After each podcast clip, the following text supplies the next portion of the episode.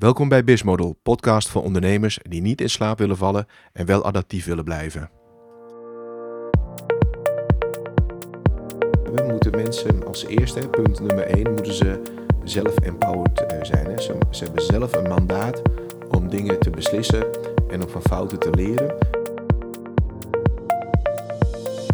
Op het moment dus dat je één ehm, Messi of eh, één, één, één Ronaldo hebt, die dus eh, het hele bedrijf draagt, dan betekent dat dus dat het, eh, dat hele team alleen anticipeert op verandering en mee verandert als die ene persoon dat doet. Over mijn schouder gaan meekijken en interventies plegen op het moment dat zij denken dat het niet goed gaat. Uh, beste luisteraars, welkom bij een volgende podcast van Bizmodel en Change Ventures samen met Sander Jansen. En we hebben vandaag weer een boeiend onderwerp. Althans, dat vinden wij heel erg boeiend. Maar als ik aan de luistergetallen zie, dan vinden jullie dat ook wel boeiend. En we gaan, we gaan het hebben over ja, performance van een team. Hè? Van hoe merk je nou dat het team echt ja, heel goed een performance neerzet en uh, accelereert. En we hadden het net in de, tijdens de koffiebreak van ons hadden het over voetbal. En hoe kan het zo zijn, want we nemen dit op tijdens de WK. Uh, hoe kan het zo zijn dat een team met uh, Ronaldo en uh, Messi toch naar huis gaan? dat, dat was een boeiend vraagstuk. Dus op de WK hebben ze niet gered.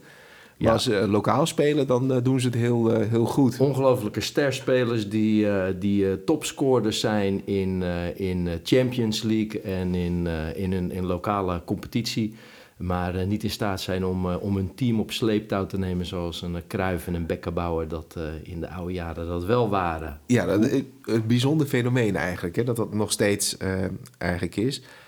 we, gaan, we gaan vier onderwerpen behandelen, hè, Sander, vandaag in, um, in deze podcast. En eigenlijk zijn er vier onderwerpen van, nou ja, als je een, een excellente teamperformance wil hebben, moeten mensen als eerste, punt nummer één, moeten ze zelf empowered uh, zijn. Hè. Ze, hebben zelf een mandaat om dingen te beslissen en om van fouten te leren. Een tweede is, uh, ze moeten ook support hebben van hun meerdere, van het managementlaag of de mensen om hen heen. Dat ze zeggen van, joh, wat je doet, doe je zelfstandig en je corrigeert het ook zelfstandig. Dus geen ja-maars van bovenaf, hè, of correcties. Uh, ja, uiteraard wel correcties, maar niet te veel bemoeien. En er moet natuurlijk een enorme goede cultuurteam zijn. Hè? Nou, we hebben het hier met WK voetbal gezien. Dat hoe goed een sterspeler ook is, ergens is hij ook meteen een zwakke schakel. Want uiteindelijk hebben ze een doelstelling niet gehaald. En dat is door naar de volgende ronde. Zelfs een Messi en een Ronaldo die uh, haalden dat niet. En uh, als laatste hebben we eigenlijk, ja, ben je taak onafhankelijk? En in hoeverre heb je je teamleden echt nodig om taken gedaan te krijgen? Dus hoe zijn die schakels aan elkaar verbonden? Dat is ook echt uh, samenwerken. Ja, dit zijn inderdaad de thema's die je nu noemt. Dat zijn uh, de thema's die zijn uh, vanuit een wetenschappelijke studie naar boven gekomen. Ehm, die, die betrekking of horen bij teams die vooral zelforganiserend zijn. En ehm, nou, in onze moderne samenleving past het niet meer dat uh, uh, het, het, management uh, in, nou, vanuit de krant of vanuit een vergaderzaal met z'n allen bedenkt hoe de wereld reilt en zeilt. En dat dan van boven naar beneden druppelt naar, naar de operationele afdelingen. En dat men daar dat dan braaf gaat uitvoeren. Ehm, mensen willen A, niet meer in zo'n organisatie werken, maar bij de, de cycli van veranderingen gaan veel te langzaam. En niet te onderschatten, uh, iedereen is tegenwoordig goed opgeleid, heeft een, um, een mobiele telefoon waarin het actuele nieuws uh, snel via allerlei social media en officiële media naar binnen zijpelt. En mensen gaan heel snel reageren op, en kunnen en willen ook heel snel reageren ja. op veranderingen. Mm -hmm. um, dat is niet alleen voorbehouden aan management, dat leeft des te meer op de werkvloer. Ik uh, weet nog dat ik als uh, directeur een hele dag zat te vergaderen en dat ik van mijn logistiek medewerker moest horen dat een van mijn belangrijkste concurrenten failliet was. Uh, want die had het al gehoord en gelezen op, op het internet. Ja. En, en dat, dat doet je realiseren dat de wereld hard verandert en dat hij in staat is om sneller te anticiperen dan ik. En als je dat fenomeen negeert, dan negeer je ook de potentie die er is om met zelforganiserende teams te gaan werken. En dat is niet nieuw. Al in de jaren 80 werd een zelforganiserend team gezien als een soort heilige graal. Dat is niet gek. Want Waar, die- waar is het eigenlijk ontstaan, een zelforganiserende teams, Nou, Sander? Dat is, ehm, het, is een, het is een wisselwerking tussen, in de concurrentieslag tussen Japan en Amerika geweest. Mhm. En eh, Japan heeft het eh, lean-concept, hè, dus ook de Kaizen eh, Ja. eh, is daar vandaan gekomen. Toyota is daardoor eh, enorm groot geworden. Ja, maar wel trouwens met, eh, met het advies van Demmin. Hè. Iemand, iedereen kent de Demmin Circle, Plan, Do, Check, Act. Eh, Mhm. dat is een Amerikaan die, eh, die naar eh, Japan is gegaan en eh, daar dat fenomeen heeft eh, geïntroduceerd. Dus, dus het is echt wel een wisselwerking tussen die twee culturen geweest. Eh, maar waar men in Amerika tegenaan liep, was dat met name de overhead eh, zwaar leunde op de kosten, maar ook op de besluitvorming. En al in de jaren 70 is men in het geheim gaan experimenteren bij grote bedrijven, bij, bij de multinationals, om te gaan werken met eh, zelforganiserende teams. En dat hield men geheim omdat men her- erkende en herkende dat daar een concurrentievoordeel te behalen was. Mhm. Eh, dus het is eigenlijk een fenomeen dat al, al meer dan 40 jaar bestaat. Eh, en er is dus ook al, al ruim 30 jaar wetenschappelijk onderzoek gedaan van wat zorgt er nou voor dat het ene zelforganiserende team wel effectief is en het andere niet. Nou, jij noemde net de vier kenmerken Ja. van de teams, van de voorwaarden waar zo'n team aan moet voldoen. En wij hadden het inderdaad net over voetbal. Ja, En eh, ja, eh, misschien is het wel aardig als je dus inderdaad Messi en Ronaldo geeft, dan, dan wordt het gevoel van eh teamafhankelijk, of, eh, taakafhankelijkheid wordt misschien minder gedeeld, want we geven alles aan die ene man en die gaat er me dan wel inschieten. Ja, en eh, dan, dan voelen Messi en, en, en Ronaldo zich niet zo afhankelijk van de rest maar heel erg van zichzelf. En dat kan dus ervoor zorgen dat deze twee mensen een beetje bleek zijn afgeserveerd eh, in, dit, eh, in dit WK. En hun, in hun eigen teams spelen ze met grotere sterren en eh, kunnen ze daar wel afhankelijkheid eh, van, van tonen. En zijn er dus alternatieven. Eh, misschien is het ook zo dat hun grote ego een bijdrage heeft gespeeld in de teamcultuur. Dus dat zijn dan twee factoren die onvoldoende scoren. dus je moet nooit binnen, binnen je bedrijf... is het dan handig om Ronaldo's en Messi's te hebben... als je dit wil optuigen? Nou ja, dat is, een, eh, dat is een strijd. Op het moment dat je ze hebt, dan moet je ze gaan exploiteren en benutten. Maar het kan zo zijn dat als je daar te veel op gaat inzetten... Dat het contraproductief werkt. Dat het contra, ja, dus dat, dat er een keerzijde aan die medaille zit. En eh, ja, hoeveel bedrijven zijn niet? Het zijn vaak kleinere bedrijfjes, MKB'ers, die drijven op de skills van één eh, talent. Mhm. En daar moet je niet aan denken wat er gebeurt als dat ene talent of die ene persoon eh, wegvalt. Eh, Ja. Omdat de rest van de organisatie simpelweg te zwak is. Maar, dan, want nu hebben we het dus over ehm, innovatie, eh, vernieuwing, verandering en Mhm. anticiperen op verandering. Want dat is wat je van zo'n team verwacht. Hè. Die zijn zelf organiserend zo- zo- en, en daardoor kunnen ze snel omgaan met veranderingen. Op het moment dus dat je één ehm, Messi of een- één, één, één Ronaldo hebt... die dus de, het hele bedrijf draagt... dan betekent dat dus dat het, eh, eh, dat hele team alleen anticipeert op verandering... en mee verandert als die ene persoon dat doet. Ja, ja dus eh, het is een, zeg maar een soort lichtbaken. Bewust of onbewust. Ja.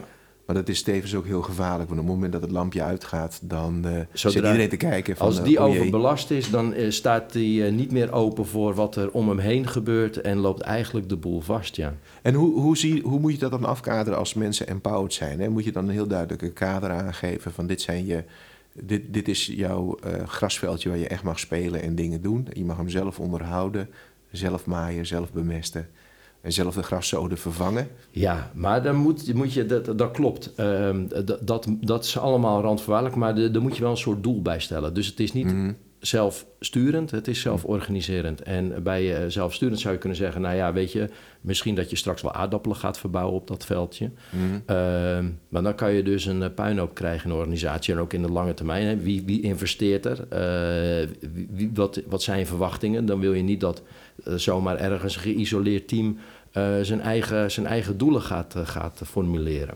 Dus eh, wat je daarbij wel moet zeggen als manager, je ook verwacht dat gras groen blijft. En hoe jullie Ja. dat doen, dan moet je dan zelf Ja, weten. je hebt de verplichting om eh, 500 Ja. vierkante meter graszoden per, per maand af te en, leveren. en een sturingsmiddel is ook dat je kan zeggen, joh, dit is het budget wat je daarvoor hebt. Ja, Ehm, dus ik heb, een, ik, ik heb een doel en ik heb randvoorwaarden. En binnen dat verhaal mag je zelf bepalen wat er gebeurt. En nou is het belangrijkste, een effectief zelforganiserend team, blijkt uit onderzoek, eh, ontstaat niet als een manager zegt van... nou, ik heb dit zo geregeld, deze mensen zijn empowered. Ja. Maar ontstaat als het team zelf vindt. Dus die mensen vraagt en eh, graag onafhankelijk en, eh, en, en, en neutraal... van joh, geloof jij dat jij zelf een beslissing mag nemen... dat deze mensen dan ook zeggen ja... Ik geloof echt dat als ik een beslissing neem, dat ik in staat ben om te experimenteren, dat ik zelf kan signaleren als het fout gaat, dat ik ook zelf kan terugdraaien, maar niet dat als ik een beslissing neem en dat iemand van buitenaf, van bovenaf, of dat het een andere afdeling is, over mijn schouder gaat meekijken en interventies pleegt op het moment dat zij denken dat het niet goed gaat. Ja, dus eigenlijk zeg je bij punt, dit is al punt twee, hè, dus je moet de mensen ook echt een mandaat geven dat ze het ook echt mogen doen. Hè? Dus niet wat je krijgt van, we noemen het empowered, maar dan is het altijd een ja-maar empowerment hè, Ja, van, van het exact. management. En dat werkt dus gewoon niet, Nee, want dan haken mensen weer af. Empowered en het betekent echt dat je doelen geeft en randvoorwaarden stelt. Maar daarbinnen, dus dat is een kader zeg maar. En daarbinnen geef je, de, geef je de ruimte en de vrijheid. En dan laat je dat ook zo. En dan eh, evalueer je wel. Dan zeg je, hoe komt het toch dat het resultaat tegenvalt? Hoe komt het dat jullie over de kaders heen gaan? Of was, is er niet meer te halen nog? Weet je wel? Dat je wel stimuleert om, om mee te doen en, in, en, en, en te veranderen. Eh, maar daarmee kun je dus eigenlijk veel meer een soort gelijk over, over het...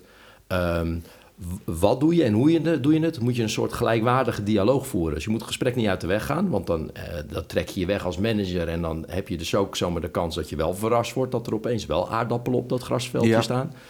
Ehm, maar dat is dus inderdaad, de vorm van empowerment is een soort eh, dunne balans. Ja, en hoe kun je dat als manager eh, faciliteren? Stel je wil dat, eh, je, je denkt van, hé, hey, dit is wel misschien iets voor mijn bedrijf.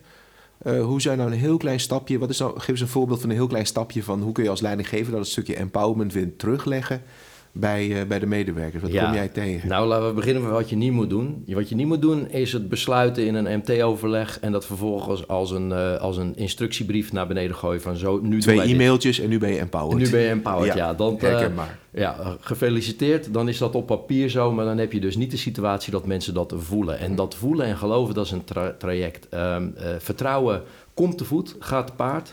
ja, absoluut. En, en dat is een gezegd, een waarschuwing. en dat geldt ook hier. Je zult jezelf met dat team moeten, daar naartoe moeten halen. En wat je, wat je merkt als je een team eh, zelf de middelen geeft om eh, keuzes te maken, betekent ook dat je ze middelen geeft eh, over wat kopen we, wat schaffen we aan, hoe gaan we dat meten, hoe gaan we dat bepalen. Betekent dat als iemand vanuit een situatie komt waarbij ze altijd heel erg strak gestuurd zijn Mhm. en ook gesupport zijn door andere afdelingen, eh, dat als je dat in één keer loslaat, dan zeggen mensen: hé, hey, wacht even, hier ben ik niet toe opgeleid, ik weet niet wat ik moet doen, moet ik dit nou op mijn intuïtie gaan doen? Nou, dat, zo kun je bedrijf niet leiden natuurlijk. Nee, we Dus- hadden het in de vorige podcast natuurlijk over. Hè? Dus dat afdelingen die eigenlijk supporterend zijn, controlerend zijn geworden. In een empowered omgeving zijn ze namelijk supporterend. Ze Juist. zijn niet controlerend. Ja, hè? ja. Dus het vraagt niet alleen van het team die dat moet doen, maar ook de afdelingen. Die moeten, dus iedereen moet zichzelf opnieuw uitvinden op het moment dat je al één afdeling eh, eh, zelfsupporterend gaat maken. Ja, nou, dat, is, eh, dat, dat is inderdaad, je moet een traject, het is een proces waarin je eigenlijk langzaam een transitie maakt van het een naar het ander. Het is echt een, cultural change is het binnen een organisatie, waarbij opleiding en begeleiding heel erg belangrijk is. En dat, dat is nodig, misschien niet omdat mensen het niet kunnen, hè, want dat is een misvatting. eh, Ehm, vooral als je mensen in een team zet, dan zijn er mensen die zijn goed in het ene. Dus dat, je moet ook kijken, vult dit aan? Er zijn alle skills er. Maar vooral ook kun je mensen trainen en opleiden en begeleiden... dat ze eh, zich comfortabel voelen bij de beslissingen die ze dan eh, moeten nemen. Dat ze denken, oké, ik, heb, ik heb de theoretische bagage... ik eh, kan terugvallen op het management op het moment dat ik in de praktijk daar een vraag over stel.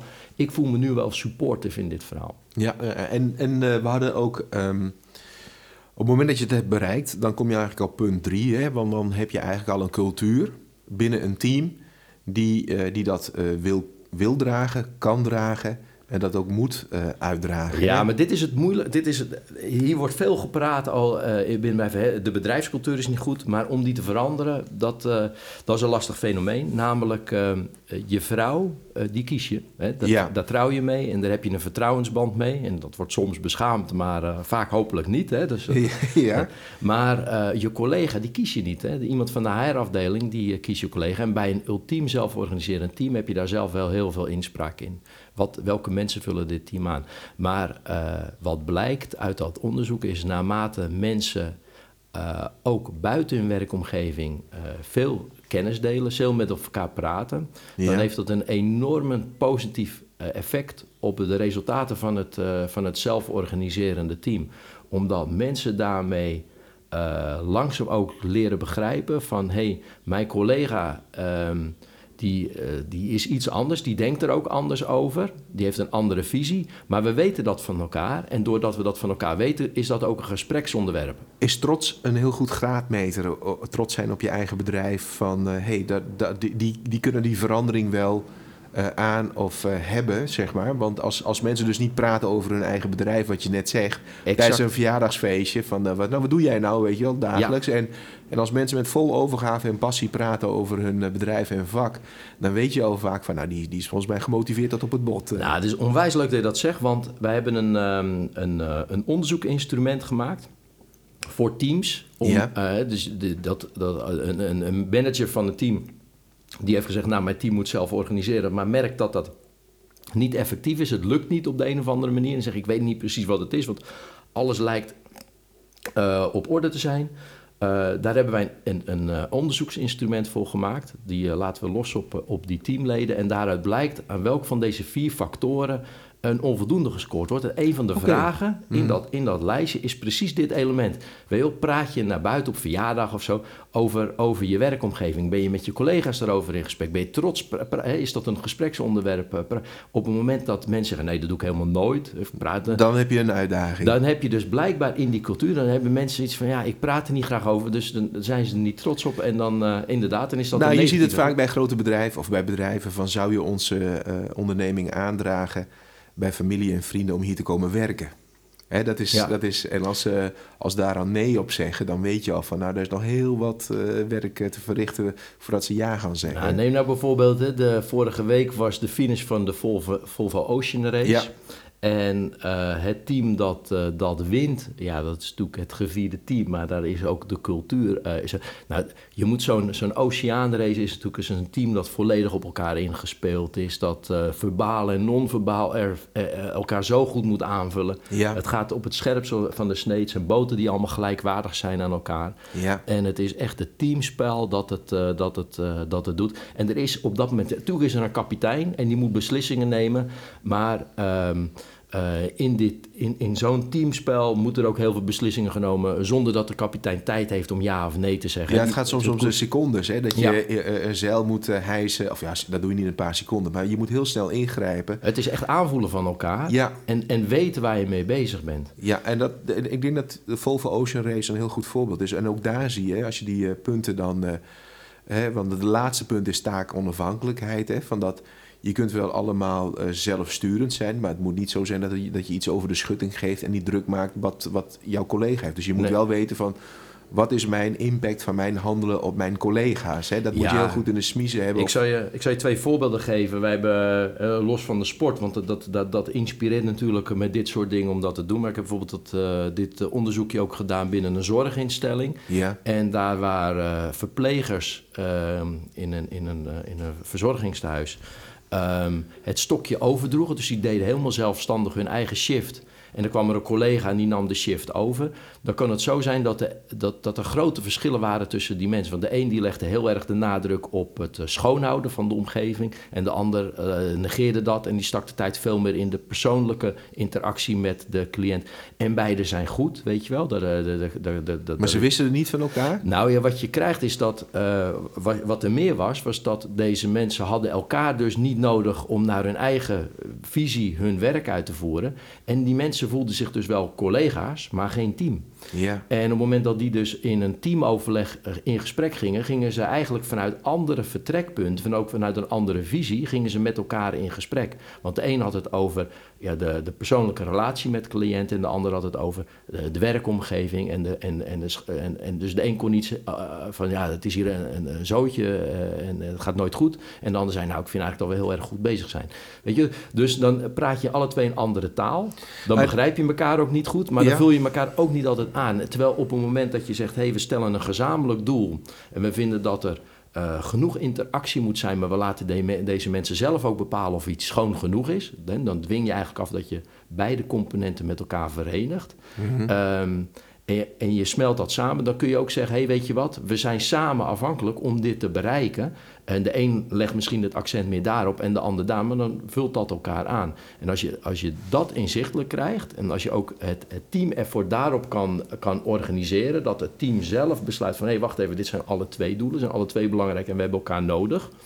Uh, dan is de afhankelijkheid groter en dat versterkt dan de onderlinge communicatie van hoe kunnen we het naar een hoger niveau brengen. En dat versterkt dan ook het teamgevoel, teamcultuur. Het zijn dus al die factoren die, die spelen. Die tellen allemaal mee, ja. Nou, misschien is wel mooi een voorbeeld, of ik, ik probeer het even samen te vatten voor de luisteraars. Maar eigenlijk als jij, als je als uh, medewerker bij je collega dingen moet vragen en je krijgt altijd weerstand of, uh, of je moet iets twee keer vragen en je krijgt, je moet altijd onderhandelen, dan heb je een collega.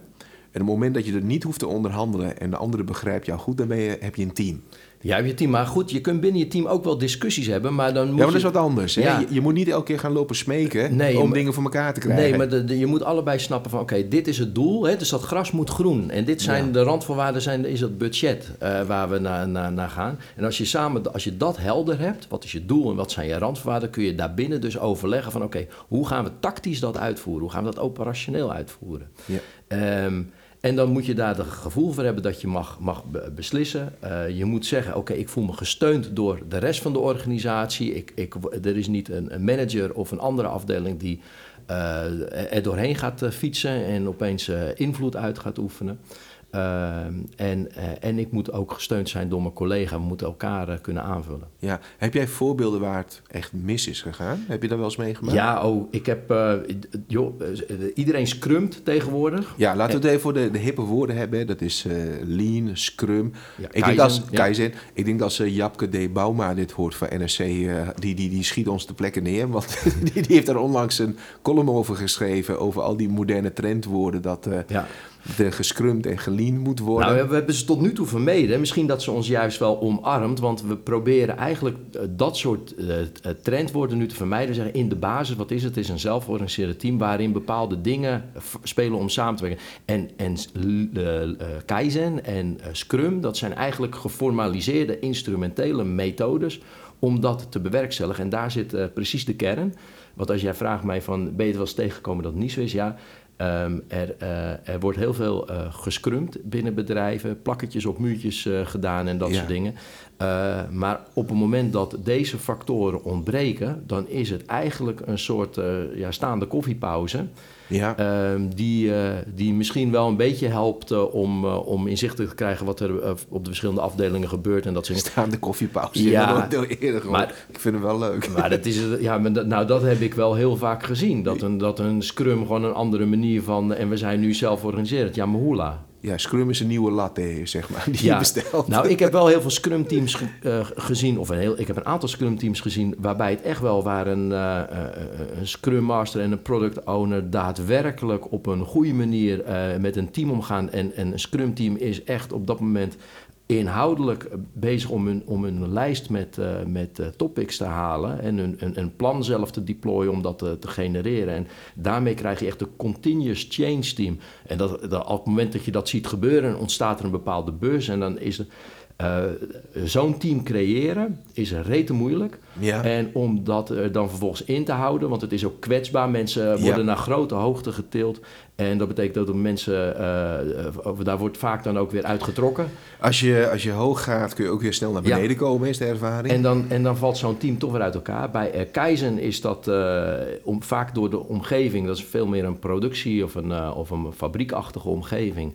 Uh, is de dynamiek uh, daar iets anders uh, dan in de IT, want daar is sowieso die arbeidsmarkt heel grillig. Maar ook daar zie je hetzelfde gebeuren, dat men zegt, oké, okay, geïnspireerd door Toyota en, en alle andere bedrijven die daar heel positief over praten, gaan wij nu ook een keizer doen. Maar op het moment dat het dus top-down besloten wordt zonder daar die stappen bij te zetten, zonder een goede black belt en green belt die, die dat proces ook daadwerkelijk snappen en begrijpen dat er een transitie voor nodig is, ja, dan, dan zie ik dat ook heel vaak mislukken. En dan zijn het gewoon uh, ja, werkoverlegjes uh, die uh, verplaatsen van de ja. vergaderzaal ja. naar de machine. En iedereen staat erbij van, goh, wat is dit onhandig, want die machines maken zo'n herrie. Nou, dan kom je toch weer terug op een essentieel punt weer. Hè? Want we, we hebben nu over die, die zelforganiseerde teams, zeg maar. Of als je daar naartoe wilt. En dan kom je toch weer van, ik heb het ook meegemaakt, dat je die innovatietrajecten die zijn ingezet dat die dus juist door, dat wordt op een gegeven moment een veredelde vergadering, veredelde koffievergadering moment. En er gebeurt niet zoveel uiteindelijk. Hè? En de methode, die houdt men niet aan. Of eh, wat je ook heel vaak ziet, ehm, dat die cultuur binnen een bedrijf uh, zo is dat men elkaar niet durft aan te spreken. Hè? Dat is ook nog een dingetje. Want als je zelf sturende teams hebt, moet je elkaar ook uh, aandurven te spreken op, op dingen als het niet goed loopt of niet lekker loopt. En uh, het probleem is, als het als familie voelt, familieleden spreek je elkaar spreek je niet zo snel aan. Hè, dus waar is de balans tussen, ja, het is een familielid of een vriend slash collega.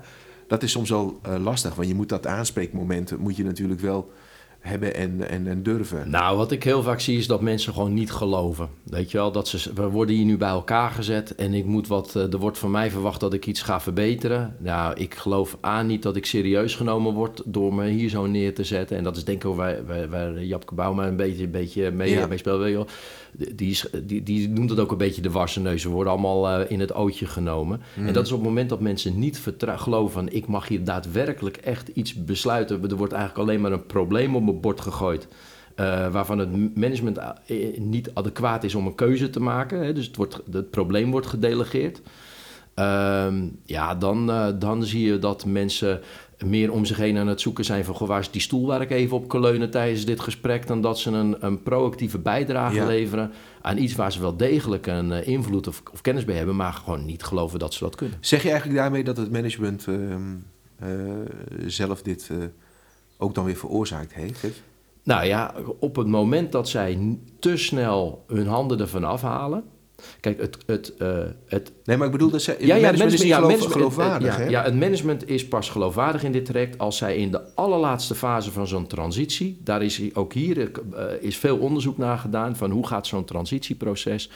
Uh, en je gaat van directe, directief leidinggevende... word je een coach. Nee, dat, ja. dat is de transitie. En niet iedereen kan dat, hè? Maar... Nou, niet alleen iedereen, want ik denk ook de, de leidinggevende zal zich moeten transformeren in dat traject. En pas in de allerlaatste fase gaan de handen van het team af. En wat je heel vaak ziet, is van, oh, dit is een oplossing. Het is een soort kostenbesparing ook. Hè? Ja, dus in het, voort, in het voortraject trekken ze hun handen al ja. vanaf en dan gaat het juist mis. Nou, op het moment dat je dit doorvoert, en dat zie je in heel veel bedrijven, en we hadden net over een zorginstelling, nou, daar, daar speelde dat ook. De eerste stap is, de hele tussenlaag wordt weggesaneerd, want uh, de, de, de, de kostenbudgetten zijn eraf. Ja. En uh, om dat op te lossen, worden teams zelf organiserend gemaakt. Dus je krijgen een, een bak taken erbij om nu zelf te maar doen, wat voorheen bij het management lag. Ja, dan zie je dat het Want die mensen weten, A, die worden overvallen met die verandering, voelen zich niet comfortabel. En als ze zien dit is een verkapte bezuiniging, dan gaan alle hakken in het zand en er gebeurt er niks meer. Ja, dus dat zijn, uh, ja, dit zijn allemaal factoren. Het is uh, op het moment dat je het zo'n team voor elkaar krijgt, dat is een keizer en een scrum. Uh, en alle onderzoeken van de afgelopen 40 jaar wijzen uit dat uh, ze, zelforganiserende teams veel effectiever zijn en veel beter renderen, lagere kosten vragen ook, veel sneller kunnen reageren en adaptief kunnen zijn in een veranderende omgeving. Dus dat zijn allemaal echt positieve dingen. Um, maar om daar te komen, uh, is het voor een management vaak de kans dat je het kapot maakt, is veel groter dan dat je het stimuleert. Dus daar moet je heel voorzichtig en, en tactisch moet je mee, mee omgaan. En je moet mee rekening houden als je daar nu niet bent, dat je een transitiefase hebt. Ja, en ja, ik weet niet of er onderzoek naar is gedaan, denk het wel. Welke percentage slaagt nou echt? En ja, weet je daar iets van? Nee, de, het, wat je ziet, het is ook een, sorry, een beetje cultureel ding. Het is uh, um, bijvoorbeeld wat ik, uh, wat, wat ik denk dat bijvoorbeeld bij IT zie je het vaker slagen. Maar je ziet ook dat de omstandigheden daarnaar zijn. En het product leent zich voor. En, ja. het, is, en het is geen oude industrie. Hè? Exact, het is iets ja. van de laatste twintig jaar. Maar je hebt ook schaarste op de arbeidsmarkt. Uh, de, je zit niet te wachten daar op managers. En mensen die allemaal heel goed zijn opgeleid. Die weten wat ze... Dus de context is zo dat het daar heel vaak slaagt. Je ziet ook steeds meer dat... En je moet wel als bedrijf dat ook aanbieden. Hè? Want anders komt er natuurlijk geen hond voor je werken... als je niet voldoet aan die kwalificatiestandaarden... die nee. wel bij heel veel bedrijven zijn. Geen HBO-opleiding hebt gevolgd en, eh, en dan- dan zit jij niet te wachten op een manager die vertelt hoe jij je werk moet doen. Nee. Dan denk je, je hoepel op. Ja, ja zo, dat is ook de realiteit.